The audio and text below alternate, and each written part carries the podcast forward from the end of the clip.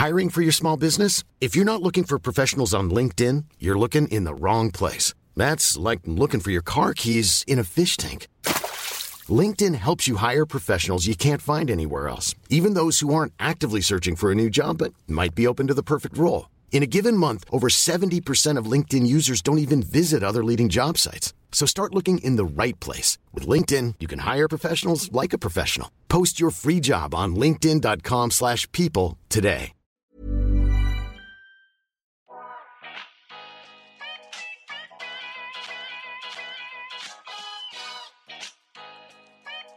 Välkommen till En timme med där jag, Sanja Tegeltia, träffar människor som inspirerar mig, som delar med sig om sina karriärresor, sina motgångar, om självutveckling och hur de har kommit dit de är idag. I veckans avsnitt så träffar jag Micke Hermansson som är före detta lärare och pedagog och grundare av konceptet Grej of the Day som har fått otroligt stor uppmärksamhet, blivit en internationell succé och förändrat undervisningen och inlärningen inom skolvärlden och för så många barn och ungdomar. Hans påhittiga inlärningskoncept har fått mycket uppmärksamhet och han kommer berätta om vad det innebär, hur han tänkte och vilken förändring det har lett till. Eh, och sedan efter några år så valde han då vid 50-årsåldern att lämna läraryrket och idag föreläser han på heltid som presentationsexpert eh, som han har gjort i många år och har även haft ett TED-talk och jobbar idag med väldigt många internationella företag om att just eh, vässa dem på presentationsteknik. Storytelling, hur man bygger upp en intressant presentation. Han har skrivit böcker inom detta och eh, är otroligt nördig inom ämnet. Vi går in på konkreta tips. Jag tar till mig personligen som föreläser då och då och ställer även personliga frågor. Så lyssna in. Hej Micke! Hej! Så roligt att ha dig med i podden. Du, detsamma. Det här, det här behöver jag idag. Gud vad glad jag blir. Jag hoppas det ska ge dig energi. Ja. Kan inte du berätta lite, nu har jag ju precis dragit ett litet kort intro om dig och, och sådär. Men kan inte du berätta, hur började allting med till exempel Grey of the Day? Vad innebär det? Grey of the Day kom till, alltså jag jobbade 30 år som lärare på mellanstadiet uppe i Norrland nästan alltid. Västerbotten och Lappland. Jag älskade mitt jobb men fick en liten bump on the road. Jag fick en klass som uh, utmanade. Och det här är 11-åringar vi snackar om. Jag tänker det är inga det är väl ingen större kravallfara men det var tufft. De, ingenting jag försökte göra gick hem. Så jag insåg att jag ska sluta. Men innan jag slutar ska jag testa något som jag gått och funderat på. Kan man undervisa på ett annat sätt än vad jag och de flesta andra höll på med? Så jag, jag började experimentera med mikrolektioner. Och jag hade ingen plan, jag ville bara pröva. Man ska vara nyfiken i förväg så jag la ledtrådar dagen innan. Det skulle vara kort, för det skulle vara mikro på riktigt. Så det var åtta minuter i mitt huvud. För det lät så bra på engelska, kände jag. Eight great minutes. Det skulle bygga på storytelling, det skulle alltid vara ett wow. Och om det här blev bra, då ville jag att de skulle gå hem och spontant återberätta någonting. Och idag vet jag att retelling är kanske den mest kraftfulla sak vi kan göra för att, för att faktiskt minnas något, för att förstå något. Så det var ledtråd, mikrolektion och retelling. Och det här satte jag igång med i min struliga klass. Och det tog kanske två dagar så såg jag, ja men det här måste jag fortsätta med. Det tog en vecka innan jag förstod att det här kommer jag aldrig att sluta med. För det blev sån enorm respons direkt från eleverna men också från deras föräldrar. De ringer mig så här, ursäkta Micke, vad håller ni på med? Och det är inget bra, det är ingen bra öppning på ett samtal från en förälder så. Men eh, nu betyder det, vad håller du på med? De kommer hem och pratar skola konsekvent. Och då förstod jag att här hade vi en kunskapscykel som var, som var stark. Så jag körde sex år till. Gjorde 700 Grave Day-pass. Innan det exploderade och blev stort Och jag tänkte, jag börjar föreläsa lite grann. Och nu har jag gjort det i åtta år. Jag ser nog inget slut på det riktigt. Vad tror du eleverna liksom nappade på? Vad tror du de tyckte om med konceptet? Varför blev det så bra? Jag tror att skolan, inklusive mig själv då, som var skola under många år. Vi fastnar ibland i ett mönster att vi gör så här på skolan. Det är läsa, det är frågor, det är läxa, det är prov. Det finns en sån cykel som ibland inte är så himla spännande. Jag, jag, köper det rakt av. För Jag tyckte inte det som lärare heller. Men det var lätt att göra det. för Man hade gjort så som barn och man såg kollegor gjorde det, då kan jag göra det. Elever kan tycka så här, historia, jag avskyr historia, jag avskyr matematik. Greve Day plockade fantastiska wow moments från alla ämnen och, och satte förstoringsglaset på. Så man skulle känna att ja, men det här, det här historiska ögonblicket var ju fantastiskt. Men jag tycker fortfarande inte om historia. Men på sikt lyckades jag, tror jag, lura mina elever att det finns spännande ögonblick i allt. Det handlar alltså inte om fakta i sig, det handlar om min förmåga att paketera och min förmåga att presentera. För lyckas jag inte med det, då blir det tråkigt. Lyckas jag med det kan jag omvända personer till att älska historia eller matematik helt plötsligt. För man gläntar på en dörr och det var det som var min uppgift. Mm. Är det liknande nu då när du föreläser om prestations, eh, presentationsteknik? Eh, hur viktig liksom uppläggningen och storytellingen är? Eller ja, hur? Är, det, det, är så himla likt och jag inser att jag hade inte, jag, jag nördar ner mig i saker och ting när det väl känns bra. Och jag hade inte nördat ner mig i presentationstekniker utan Grej över dig. För, för när jag började titta på det lite grann med perspektiv något år senare så insåg jag att det var en idé som dök upp i en krissituation. Jag, jag kände att jag, jag, jag slutar nu, det här är för tungt. Och det är ofta då det kan hända antingen hemskt dåliga saker eller väldigt bra saker. Men, men när jag tittade på det i retroperspektiv så såg jag att det var ju presentationen som var knepet. Jag berättade en story, det var en fairy tale of facts. Det var inte bara fakta. Jag slutade när det var som bäst, exakt som vi tittar på en tv-serie och tänker klockan är bara 23.42 och jag ser ett avsnitt till för, för det är så himla, det här är så bra. Och så skulle mina elever känna, kan vi få lite mer? Nej, det får ni inte. Inte just nu. Men jag kommer tillbaks. Och det här skapade, det var så många trådar som var så sjukt spännande. Och att presentera, vi säger vilken mellanchef som helst, var som helst. Att bara komma med faktan och statistiken, det är ju inte speciellt svårt och det är framförallt inte speciellt spännande. Men att paketera om det och få oss att tappa hakan med samma statistik. Det är ju här vi skiljer de skickliga från de som faktiskt inte når ut. Mm. Och det gäller ju allt man vill få ut. Allt. Jag pratar mycket om att nå ut. Det, är liksom, det måste ändå vara ett, ett av våra så här, huvudmål.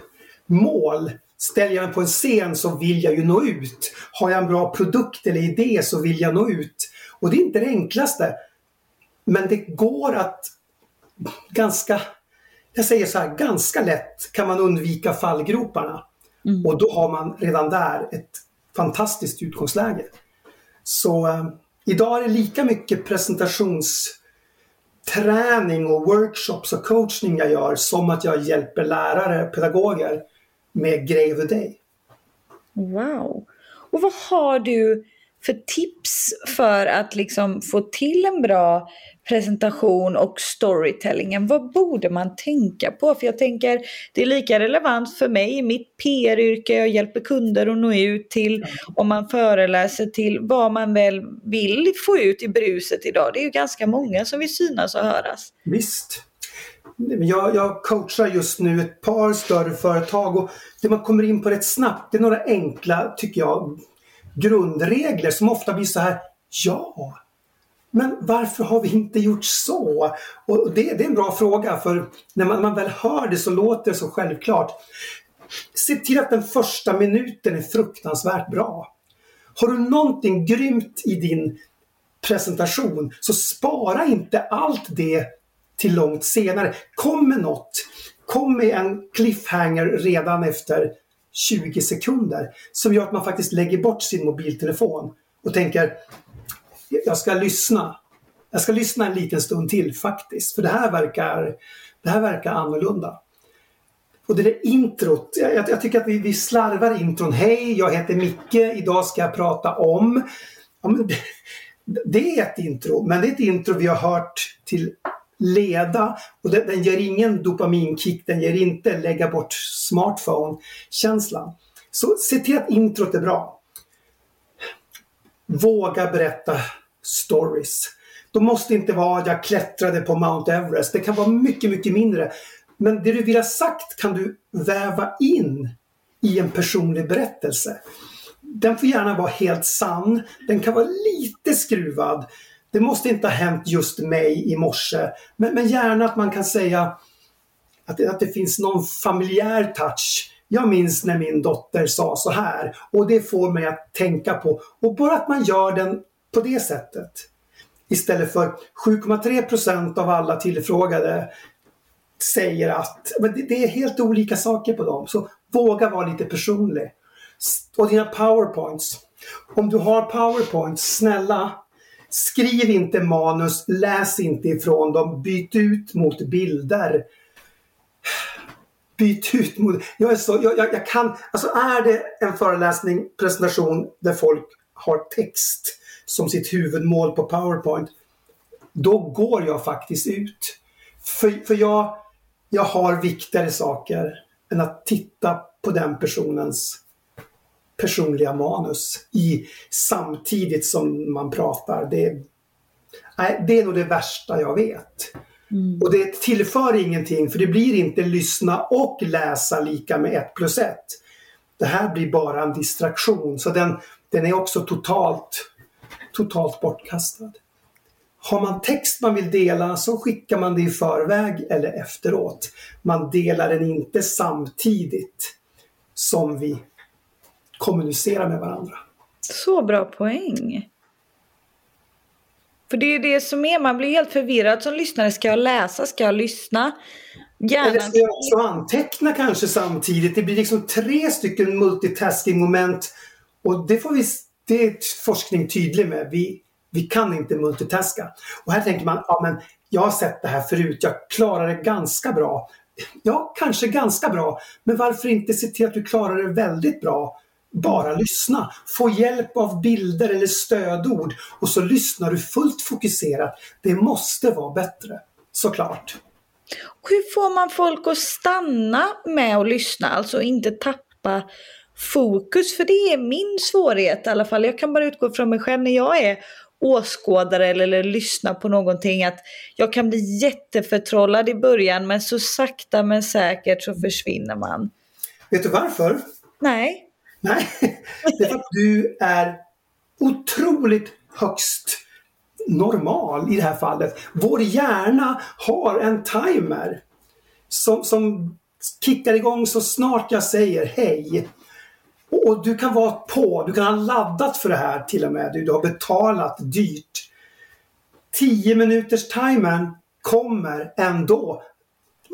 Vår hjärna är inställd på att har det inte hänt riktigt bra saker före 10 minuter då kan, vi, då kan vi logga ur lite grann. Och vi kan fortfarande titta framåt och vi kan smila men vi är inte påkopplade som i början. Så det måste hända saker. 10 minuter brukar jag ha som ett första och det är därför 8 minuter på Grev Dave var tacksamt med mina 11-åringar. Men sen har vi också 18 minuter tänker jag nästa gång. Det är TED-talk-längden av en anledning. Så jag måste få jag måste bygga min presentation som ett manus med information, ett wow, en story, ny information så att den faktiskt har ett flöde. För utan flödet, då är du och ni borta ganska snabbt. Okej, så att det är egentligen, för jag tänker direkt att så här, ja men hur hade jag gjort, jag vill vara personlig och sådär men man vill ju ändå vara faktamässigt lagd. Absolut. Då är mixen viktig, att man vågar väva in det personliga men också ha med faktan så att man inte bara står där och latchar och är personlig. Och så Folk vi, ska inte, vi ska inte latcha bort något, det, det, är aldrig det jag säger. Och det, här, det är en sak som folk reagerar på direkt. Men blir jag inte oseriös då? Nej, det, det, det, kan du ju bli. Du kan ju bli jättetramsigt eh, Men att vara personlig, att komma med en story, att faktiskt till och med ibland våga skämta och däremellan foga in fantastisk information. Det är då vi lyssnar. Jag, jag brukar prata om att vi fokuserar så sjukt mycket på att informera.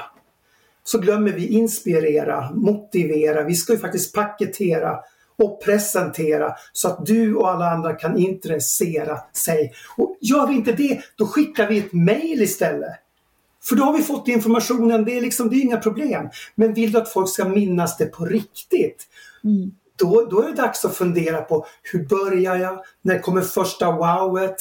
När, när kommer en, en, en rekvisita att visas upp? En ny röst kanske finns på på slide nummer sju som pratar i 30 sekunder. Sen tillbaks till mig. Att du får ett flöde som gör att det går inte att tappa dig. Så här, så här, så här skriver man böcker, så här skriver man filmmanus. Så här gör stand-up comedians. Och det är exakt samma princip. De vill ju undvika att folk tappar fokus. Ja, det är det. Det måste ju vara hela målet. Men hur långt ska man göra då? Hur länge klarar människor av att foka? Trots att du har den här liksom uppbyggnaden och flowet. Alltså det, att TED-talk är 18 minuter max. Det tror jag är väldigt klokt. För då kan vi titta på egentligen vad som helst. Är det en kunnig person som är skicklig på scenen, då är 18 lugnt. Skulle vi fortsätta med 18 till så får det väldigt gärna hända något annat. Det blir ett break där vi ska diskutera, vi ska lösa ett problem på en minut som ligger uppe på, på en slide. Vi, vi får en rö, rö, rörelsepaus som man kör i skolan. Att någonting bryter av så att du får kraft för en ny 10 minuter. Okej. Okay. Då kan man, den här kurvan kan du fortsätta med.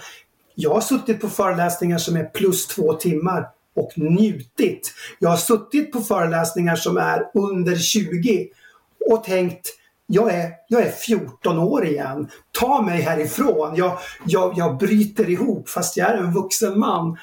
Så det går att dra ut gummibandet om man är extremt skicklig. Mm. Och, och, och vet då... om de fallgroparna. Men är det då viktigt, tänker jag, att engagera? För det har man ju hört tips om att engagera publiken. Kan man göra det utan att faktiskt ge dem en uppgift? Ja, men det kan man göra. Jag tycker att ett par smarta sätt bara i inledningen och introt kan vara att det första jag gör det är att jag slänger ur mig en fråga som inte har ett självklart svar, som inte går att smyggoogla under bordskanten, utan som faktiskt Jaha, oj vad konstigt men vad intressant. Och den här släpper man sen och kommer tillbaks till kanske 25 minuter senare och så ber man er ta 40 sekunder med grannen och bara vad tänker du om det här? Och där först kommer ett svar. Du har haft något som liksom har snurrat lite löst. Eller ett påstående. Visste ni att? Och så kommer något som är Oj! Nej, det visste vi inte. Så, så att man, man ger olika tankespår som faktiskt, jag, jag, måste vara med. Ja men jag tänker så här, du säger ju att starten är väldigt viktig och att man kan börja med ett påstående eller liksom en, en cliffhanger eller sådär. Men om man då har en längre presentation, säg 30 minuter eller som du nämnde TED Talk 18. Hur viktigt är det då, kan man köra en till sån cliffhanger efter de här gyllene 10 minuterna bara för att få dem igen att lyssna? Ja, ska den vara längre så, så är det väl så man måste jobba. Med ny energi, med ny dopamin i rummet. Och Det kan vara så små saker som att det kommer en rekvisita som plötsligt visas upp eller skickas runt. Det kommer en ny röst eh, från, från din PowerPoint-visning där en, där en kund berättar i 30 sekunder om, om erfarenheter. Eller det dyker upp en gäst på scenen publiken får en uppgift att lösa ensam eller i par. Det, det finns sätt att hålla den här energin igång. Ja, jag har suttit på långa föreläsningar, det har varit otroligt lyckat. Man vill inte ens gå därifrån. Och jag har suttit på kortisar som har fått mig att skruva på mig som jag gick i årskurs 8 igen. Det, ja, det är lustigt. Skillnaden är så markant. Mm, mm. Och jag menar, jag tror att det märks väl någonstans, tror du att det är viktigt hur intresserad och engagerad föreläsaren är och förberedd? Ja, det, det är extremt viktigt för min energi, det, det är den som kan jag tänker alltid så, det är den som, som behövs i rummet. Jag kan, jag kan förlita mig på publikens energi men då blir jag ju ofta ganska besviken för det är jag som har kommit dit av en anledning. Det är jag som har headsetet, förmodligen kunskaperna. Och jag har bestämt mig själv för många år sedan. Jag ska sluta komma hem och tänka det här var en trög publik. Och så överförde jag ansvar på dem. Jag ska alltid fundera på vad jag kan göra. Hur har jag peppat innan? Vilken låt drog jag med 20 sekunder kvar till, till mitt intro? Hur många armhävningar körde jag och vilken power position stod jag i? För jag ska komma in med ett stort smile, ett enormt energiflöde och köra mitt. Och publiken får jättegärna hänga med. Men även om de inte gör det så ska jag göra mitt jobb. Jag ska alltid göra mitt jobb från en hög lägsta nivå. Oftast så smittar det av sig. Och så har vi ett samspel. Men när jag var rookie på det här så hoppades jag att publiken skulle ge mig energi. Och det blev inte alltid så. Och då sjönk vi sakta men säkert till en väldigt låg nivå. Och så var jag missnöjd på dem. Mm. Och det är lite dumt. Ja, det, ja, jag håller med för då går man ju därifrån besviken kanske än att du ska bara känna att jag gav allt och det gav mig, jag gav mig själv energi. Absolut, absolut. Och det här smilet, det låter så simpelt men det är ju en vi reflekterar ju leenden hela tiden. Om jag kan komma in och visa att det här brinner jag för. Det här är liksom det som jag idag vill jag vill dela med mig av. Jag vill verkligen nå ut och det ser ni på mig. Ni, ni känner nästan i rummet att jag, jag, jag vibrerar av, av power. Och det får inte bli överdrivet och dumt men då får baske inte tänka han är framskickad. Av någon annan och han gör det här bara för att. Att jag sen har övat, det här är ju andra grejer som jag pratar mycket med när jag coachar. När jag frågar så här, hur mycket har du övat? Vad menar du då? Jo, säger jag, som i allting annat så, jag menar, du måste ju träna för att bli bra. Ja, men jag, jag skrev mitt manus och sen gjorde jag powerpointen. Ja, du, du köpte alltså både fotbollen och fotbollsskorna. Du är, lite, du är förberedd där. Men hur mycket fotboll har du spelat? Hur mycket, hur mycket har du övat på leveransen? Och då är folk så här. Oj, nej, det, så jobbar inte jag. Och det här är ju superintressant för i allt annat vi gör, spela gitarr, så fattar vi att vi måste öva för att komma över en ny tröskel. Men presentera, det är jag har byggt min powerpoint. Och nu kan jag berätta den fakta som finns här. Och det, det är verkligen bara steg ett av en lång, lång radda man bör göra. Alltså, jag, jag övar sjukt mycket. Framför en byrålåda eller framför min hund. Och jag gör det, jag, jag står upp, jag mumlar inte, jag pratar. Jag använder kroppsspråket. Jag pauserar det jag ska pausera. Jag gör det i skarpt läge tills jag ska på riktigt ut på en scen och göra det superskarpt. Det kan ändå vara svårt. Men hoppa över träningsfasen. Du hör ju, det låter ganska... Mm. Det låter dumt. Men så gör många. träning krävs? Det beror ju på. Jag som jobbar heltid som just föreläsare, jag kan ju unna mig att träna väldigt mycket. För jag insåg, det var min första föreläsning 2013, 2015 gick jag in och tänkte jag gör det här ett halvår. Då först, jag, jag, jag tittade på många proffs i, i ämnet och insåg att de här skickliga TED-talk-personerna och så vidare de går inte upp och chansar eller hoppas på att det är en bra dag. De har övat. Och jag läser några böcker i det läget också och inser att det här är ju det är inte bara någon timme. Det här, vi snackar hundratals timmars träning. Men det är också därför de är där de är idag. Både att man får åka jorden runt och man har bra betalt och man är skicklig. Man, man når sin publik nästan varje gång. Precis som den här extremt skickliga violinisten har övat av en anledning. Och, mm. ja, Gör man någon då och då, jag brukar säga så här, lägger du ner tid på en föreläsning, presentation och du lägger timmar på den istället för bara kanske 40 minuter. Du lägger fem timmar. Så kan man tänka att det här var lite onödigt för jag ska inte göra om den här speciellt ofta. Men det du har lärt dig under de fem timmarna, det kommer du ha med dig sen också. Har du, har du sprungit väldigt mycket inför ett lopp så kommer du också ha lite bättre kondition om du skulle cykla. Det är inte samma sak, men du kommer att ha nytta av den första träningen. Så det, det är ett tips. Gör det någon gång per år. Lägg extra tid. Ta gärna en coach, en PT, fast i presentation. Och, och se bara vad, vad, kan vi lära oss på fem timmar? Mm. Istället för att varje gång starta från noll och hoppas att det kanske går bra.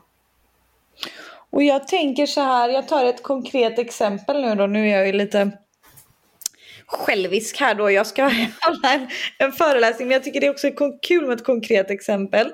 Eh, då, då, är det en, en Nordic PR Awards med, med massa bolag som ska liksom tävla om vem har gjort bäst PR och då ska jag hålla en föreläsning hur man gör smart PR. Och ja. prata om min karriär. Jätteroligt tänker jag. Jag har 25 minuter att prata om min resa men då är jag också sådär, vart börjar man? Vad tycker de är kul? Hur ska man liksom... Och, och, till någon då som sitter och ska prata om någonting, är det bättre då bara börja skriva ner sin, eh, liksom, sin presentation och sen plocka ut guldkorn? Är det bättre att börja med en powerpoint och sen skippa powerpointen? Liksom, vad skulle du säga börjar man för att hitta den här gyllene storytellingen? Jag har ett tips som folk skrattar åt när jag presenterar det som sen aldrig kan sluta använda när jag är klar. Vill du ha det tipset? Gärna! ja, men jag, jag är okej, okay, jag är så pass gammal så jag är ett analog. Men det här handlar inte om att vara analog, det här handlar om att få göra saker lite fysiskt för att sen i steg fem kanske börja med en powerpoint, om du nu ska ha det. Jag rullar ut ett, ett papper, alltså på rulle, brett som man kan skriva på. Det är inte en toarulle utan ett skriv, skrivpappersrulle. Och, och, det är min föreläsning. Den liksom börjar på sekund noll där längst till vänster och sen fortsätter den i ditt fall 25 minuter. Jag gör ett streck vid 10 minuter så jag har lite koll på det. Jag gör ett nytt streck vid 18 så att jag har koll på det och sen ska du orka 7-8 minuter till. Fine. Sen använder jag olikfärgade post-it-lappar. Och här kan man ha hur många kulörer som helst. Tänk, tänk att vi har fyra, vi gör det enkelt. Du har en färg för den fakta du vill förmedla. Och det är lätt hänt att det bara blir fakta post-it om man jobbar spontant. Sen har jag en färg som betyder story. Här kommer en, antingen en mellanliggande historia eller en historia som faktiskt väver in faktan. Det är en färg. Jag har en färg för wow moments. Något som är showstoppers, något som är väldigt, och vet ni en sak? Da, da! Och då hoppas man att där ska folk reagera. Det här var inte förväntat. Och så har jag en fjärde färg som är något annat. Här kommer en gäst. Här har jag med mig något att visa upp. Här kommer någon på, på min, ett litet filmklipp med Ingemar Stenmark. Eller whatever. Någonting som bryter av rent fysiskt. När man sen börjar lägga upp de här lapparna med små, små stödord och bygger bygger tanken runt sin presentation, då får du också ett flow. Oj, vad många gula! Alltså det är bara fakta här första fem minuterna. Jag kanske borde flytta på den där och stoppa in en sån där istället. Plötsligt så ser du allt i färg. Det blir en tidslinje typ. Det blir en tidslinje, det blir en presentationslinje och du ser direkt hur den faktiskt fluktuerar. Är den bara fakta, fakta, fakta, fakta? Eller är det fakta, en grym story som du släpper, kommer tillbaks med samma story tio minuter senare och slutför den med en liten snygg rosett. Då har vi ju ett flöde. Då har vi ett... Alltså att bygga presentationen, det är för mig kanske det allra, allra viktigaste. Att du har ansträngt dig. Ska du verkligen börja säga ditt namn och vad du gör och vad du ska berätta. Du kan vänta med det två minuter. Och, och, istället börja med en story rakt av. Som ingen har förväntat sig. Och därefter säger du Hej förresten, jag heter. Överraska. Gör inte som alla andra. Bra tips alltså! Jag blir jättepepp på att sätta igång med det här nu. Du ska köpa en pappersrulle på... Ja, för då blir det som en liten rolig pysselgrej typ. Ja, men alltså det, det här kräver mer tid. Ja. Powerpoint det får vänta om den alls ska vara med. Men, Nej, jag vill bara ha bilder. Ja, du ska bara ha bilder. Och, det, det, så länge det inte kommer som första steg, för då innebär det också att din första idé ska vara den som är bäst. När man sitter och pysslar så här med post-it-lappar och så, då inser man att min första idé var ganska bra, men oj, det blev helt annorlunda till sist. Och det är jag glad för. Jag har som sagt premiär på en föreläsning på onsdag som ska titta tillbaks på Grey of the Day. Jag gjorde första föreläsningen för tio år sedan och det är en slags tillbakablick men också framåt. Spåkulan, vad är på gång? Vad händer just nu ute i världen? Och jag rullade ut papper här för en vecka sedan. Och, och, och, såg vad jag ville ha med för delar i rätt ordning. Sen blev det manus. Nu är bildspelet klart och just nu övar jag. Ett par timmar om dagen. För den här ska sitta. Den ska inte låta inövad, den ska levereras som att den kom spontant. Mm. Så man måste överträna man måste komma över det här, jag kan mitt manus men det hör ni att jag låter som en robot. Du ska bara... Ja, det ska kännas som att det, det bara dök upp i samma sekund. Och det kräver sitt jobb, det hör du, men det är då det blir bra också. Ja, så är det ju som du säger, man kan ju inte spela fotboll eller utan att öva. Eller man kan ju, men man kanske Man kan, men då får du också räkna med att det blir som det blir. Och jag kan tänka mig att mångas huvud dyker upp, eller också till dig personliga frågor, där de säger så här, men alla är ju inte gjorda för det här. Och det, är det så? Är det inte så att alla kan om man bara övar, eller vad tycker du? Men jag, jag har grubblat mycket för det här var, det är ju en sån här faktoid som, som verkligen är stark. Mm. Jag är ingen sån. I vår familj är vi, och då kan man också lägga in, vi är inga matematiker eller, men just presentatör, stå på scenen, det får man verkligen höra att det är någon slags medfödd lyckosam förmåga. Jag tror inte på tur och talang i de här sammanhangen. Lika lite som jag tror att en stavhoppare bara får en stav i handen och så ser man Wow, det här är ju grymt! Första gången, det kommer gå åt skogen. Femte gången slår man sig också. Men steg för steg. Och självklart så är presentationsskills exakt likadant. Här måste man våga försöka, man måste våga misslyckas. Och sen måste man ta till sig goda tips, för så länge du gör samma sak kommer du att fortsätta misslyckas. Du måste våga ja, men jag, jag vänder på de här pusselbitarna och kollar vad händer nu? Jag ställer mig inte bakom podiet, jag går fram på scenen. Jag tar mikrofonen istället för att hoppas ni hör mig ändå. Du måste göra de här korrekta bedömningarna. Och sen från de stora eh, penslarna våga gå ner och kolla vad händer med de små penslarna. Blir det bättre om jag berättar min story direkt? Eller ska jag vänta mer än i fem minuter?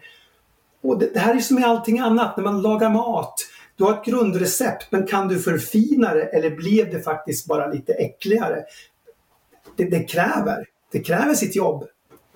Och jag kan tänka mig, nu vet jag att det är inte riktigt just med presentation, men jag menar oavsett vilken typ av storytelling som gäller, eller oavsett om man ska göra ett videoklipp eller om man ska göra eh, ja men du vet så här, löneförhandla säger vi, ja. då gäller väl lite samma principer?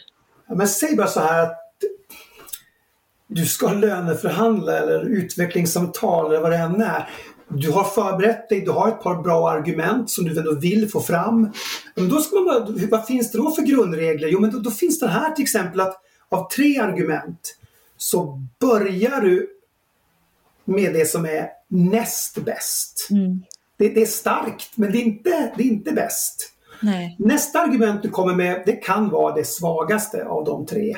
För att sen dunka in Ja. i slutfasen där det bränner, då kommer det starka som är sådär ja, där, näven i bordet. För tar du fel ordning på dem så tappar de lite kraft. Och det här är precis samma sak som att i en deckare så får du veta lite för mycket, lite för tidigt. Ja, det är ju inte värt att titta en sån gång. Nej, eller typ man säljer en produkt. Alltså så här, det är ju samma, det är väldigt, jag känner igen det här, jag, eller jag personligen tänker, oh det här kan jag använda i så många Ja, delar i livet. Sälj, övertyga någon. Det låter lite hemskt och det kan det vara. För är du extremt skicklig på det här så kan du ju faktiskt du kan ju sälja eller övertyga även saker som inte skulle vara så bra. Det, det, Ja. det får vi också vara beredda på. Men jag tycker det är synd när bra idéer, bra produkter inte får uppmärksamhet på grund av mediokra presentationer. Ja. Jag, jag fattar att worldwide så måste det vara tiotusentals sådana per år. Det blev inget mer på grund av att någon var för dåligt förberedd, för tråkig på en scen. Folk bara så här, japp, en liten vänlig applåd, in med nästa. Och så är man bortglömd. Du ska inte gå på det här spännande PR-konventet och tänka, jag förbereder mig grymt, hoppas de glömmer mig efter 10 sekunder. Du Nej. skulle ju vilja nå ut så mycket att det kommer fram någon, alltså vad bra du var. Skulle du kunna tänka dig att komma på det här också? Det, det är ju det vi ändå jobbar för, tror jag. Ja, och det är det, det är därför det är så synd. Jag har varit med om någon gång när jag har slarvat och jag ångrar ju mig efteråt med förberedelsen för jag var så här, ja det här kanske leder till att jag inte får mer. Eller är du med? kan det också vara. Det, det, Ja. alltså, en bra presentation, det får jag räkna med. Det är som att göra den här matchen där du vet att det sitter tre stycken stora klubbar på läktaren och tittar. Det kanske var the one shot. Förmodligen får man fler chanser också. Men precis. göra, alltså vissa gånger ska man ha lagt ner mer tid bara för att det är värt det. Ja. Så du får Ja. det om du vill, det är helt okej. Jag, kan, jag kan titta på ditt manus Ja, eh, ja. där innan. För för små, små, små justeringar kan göra allt. Mm. Det har jag lärt mig. Och att man inte då ska underskatta övning som du säger. Yngre Sanja för fem år sedan var så här, jag kan det här, jag går bara in och kör. Men sen med åren jag insåg att förberedelse blir ännu bättre. Alltså man ska inte ha hybris med förberedelse. Men jag läste min första bok om presentation, det var klassikern Talk Like Ted. Ja. Uh, och jag, hade, jag skulle precis göra ett TED-talk och det var väl kul. Men jag läser och blir mer och mer fascinerad. Det, det berättas om en tjej som ska göra en åtta minuter och min skulle vara ungefär så kort. Och ju mer jag läser om henne så inser jag, hon lägger alltså ner, om jag minns rätt, cirka 100 timmar på förberedelsen. Och då hade hon ändå språket, hon behövde inte i mitt fall hade jag också så jag skulle få det att flyta på engelska. Eh, hon hade 100 timmar, först skrattade jag liksom, men vad fasen. Sen inser jag att jag gjorde ungefär 75-80 timmar inför mitt TED-talk. För det är så många saker du kan, du kan skruva på. Och sen blir man lite obsessed. Men ja. fortfarande idag om någon skulle väcka mig klockan halv fyra på natten och säga kör ditt TED-talk nu. Det sitter ju kvar och jag har nytta av det när jag pitchar. Jag kan lägga in det i andra engelska föreläsningar, en del som jag kan utan, innan, bakifrån och framifrån. Det var värt de timmarna. Och jag kommer ju även länka till ditt TED-talk så alla kan ta del av det. Vad Ja. det Det var så lustigt för jag hade kanske idag gjort 500 föreläsningar i många, många länder. Det där var kanske, jag hade gjort 10, 12 föreläsningar. Jag var verkligen en rookie. Och så har de av sig, hej, vill du göra ett TED-talk? Jag visste inte ens vad TED var för något. Så jag googlar parallellt med samtalet innan jag förstår att oj, det här verkar ju ganska kul. Så jag säger ja. Och sen när jag kom hem så inser jag att det här är ju mångas dröm. Att någon gång i livet få göra ett TED. Och jag bara fick det via ett bananskal. Så Ja, fast bananskal och bananskal, du har ju förtjänat det med det du har åstadkommit. Så. Ja, fast i det läget så hade inte jag föreläst så mycket att jag ändå borde vara där. Idén tror jag var mer spännande, men jag fick extremt blodad tand. Ja. Och fortfarande nästan varje dag så kommer det någonting om jag såg ditt TED. Och jag blir alltid så här, "Ah, jag skulle vilja ha gjort det idag.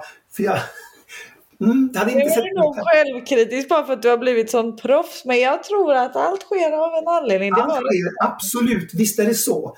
Och det är ingenting jag skäms över. Eller så. Nej. Jag, jag förstår ju att efter 15 föreläsningar kontra efter 500 så bör jag ha hittat Ja. nya. Mm. Men nu då om man är nyfiken på dig och är, kanske inte känner till dig sen innan. Hur, hur, vart ska man spana in dig? Vart är du mest aktiv? Är det poddar, böcker, Instagram? Var är liksom dina to go? Var är jag mest aktiv. Alltså jag, jag, så här, om man vill titta både brett på Grej of the Day och på det här med presentation. En webbsida låter himla trist men den är, där finns rubbet. Det finns filmklipp, det finns eh, klipp från tidningar, recensioner och en massa, massa bra info om bägge delarna. mickehermansson.se Den finns även på engelska där. Eh, då får man en snabb överblick om allt. Sen finns jag på LinkedIn och jag finns på Facebook. Jag är jättekast på Instagram. Det har varit mycket mun till mun.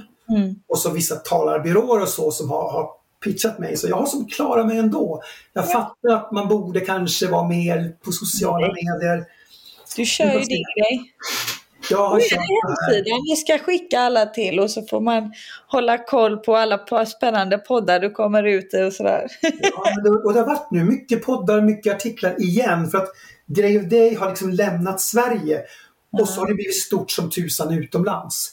Och det var en sån här helt oväntad sak för mig också. För det, så ser det inte ut. Skol, skolidéer från Sverige går möjligen till Norden. De Ja. går inte till Frankrike eller Australien. Men det har of Day gjort. Så det blev liksom en nytändning här bara för ett år sedan. Vad hände sen? Hur gick det här till? Vad häftigt. Nej, tusen tack Micke. Jag är ju så inspirerad. Jag vill typ sätta igång och förbereda mig nu. eh, Trots att det är fredag eftermiddag. Jag tycker, du ska, jag tycker du ska skriva ner några idéer. Det räcker så. Sen kan du ta helg i alla fall. Nej, men jag ska faktiskt gå och köpa i helgen tänker jag ett sånt pappersark och börja göra en tidslinje. För att jag gillar färger. Jag gillar inte det tråkiga liksom. Jag tycker det är lite kul med pyssel och det där. Jag är lite mer sån lagd. Så jag tror att jag kommer se det som en lite Men det, rolig... det intressanta är att någon sa så här lite, du vet. Men Micke, det är 2023. Det här programmen finns även digitalt. Och det, det fattar jag också. Men det finns en fördel. Få stå på knä. Rulla ut. Ta ut den här post-it-lappen, sätta fast den och, och liksom fundera lite grann. Och sen finns det en, en ännu härligare sak. Nej, den här räcker, det här håller inte måttet. Och att då istället för att trycka på delete så får jag jag får skrynkla ihop den och kasta den. Och det blir så på riktigt. Det här låter tramsigt, men jag är helt säker på, inte bara för mig, att de här momenten fysiskt, de blir också bra sen digitalt i skede 4, 5, 6. Så eh, börja analogt. Jag tror att du har helt rätt. Jag tror att du har helt rätt. Och de har väl visat att in, analog inlärning är väl lättare. Eller är det på något sätt man... Ja, men många, alltså, jag tror att en bra mix, då, då har jag garderat mig rejält. Ja. Att inte bara tänka antingen eller. Och när, när jag skrev boken Presentationslyftet som sen också blev kurs och föreläsning. Jag intervjuade galet många skickliga pedagoger och presentatörer och de allra flesta berättar om modeller som innehåller både analogt och sen PowerPoint i sig är inte så fruktansvärt om vi använder det på rätt sätt. Men använder vi det bara som, jag brukar snacka om 0750 slides. Och en 0750 slide har noll bilder, sju bullets, sju punkter och 50 ord. Och det är lustigt nog, eller olustigt nog, den vanligaste sliden vi kan se i hela västvärlden. Och, och de är så fruktansvärda, de är så själadödande. De funkar som repetition, de funkar när man ska på affären och handla.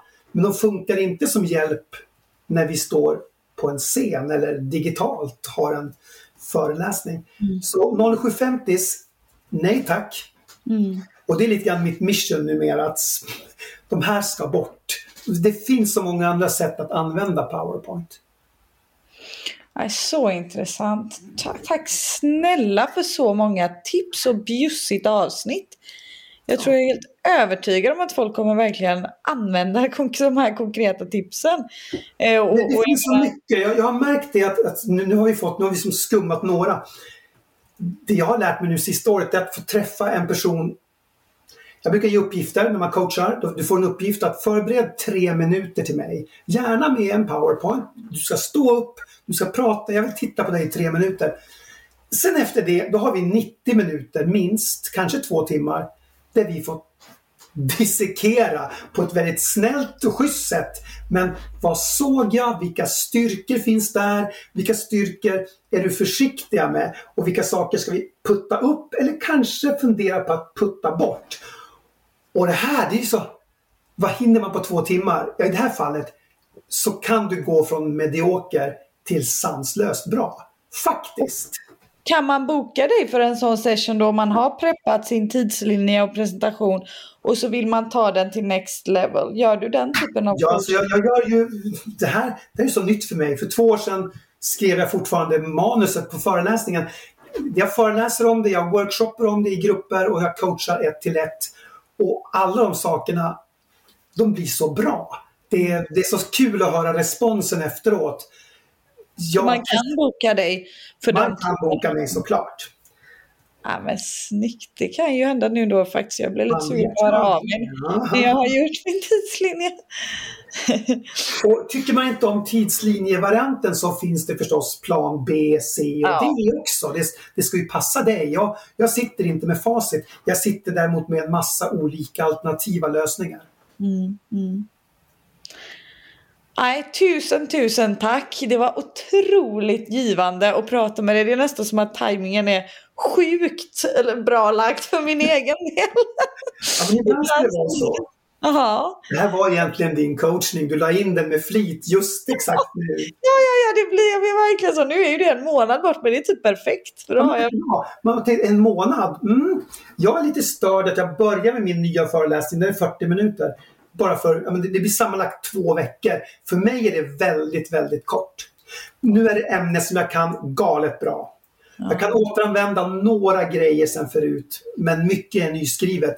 Och jag sitter nog i helgen, både lördag och söndag, eller snarare står och faktiskt kör mm. skarpt framför bokhyllan. Gång efter gång efter gång så att det ska sitta riktigt bra på onsdag. Mm, Okej. Okay. Ja, då är det inte så jättelång tid. Men... Nej, en månad. Alltså, börja spåna nu. För det kommer ändå att bli stopp ibland. Det kommer att bli nej, det här funkar inte och så ska man nästan börja om. Mm. Så vad bra. En månad låter perfekt. Ja, vad bra. För 25 minuter. Tusen tack. Tusen tack. Om ni gillar podden så får ni hemskt gärna dela den här med era vänner. Men också gå in och prenumerera och jättegärna lägga en liten kommentar. Det hade gjort mig så otroligt glad.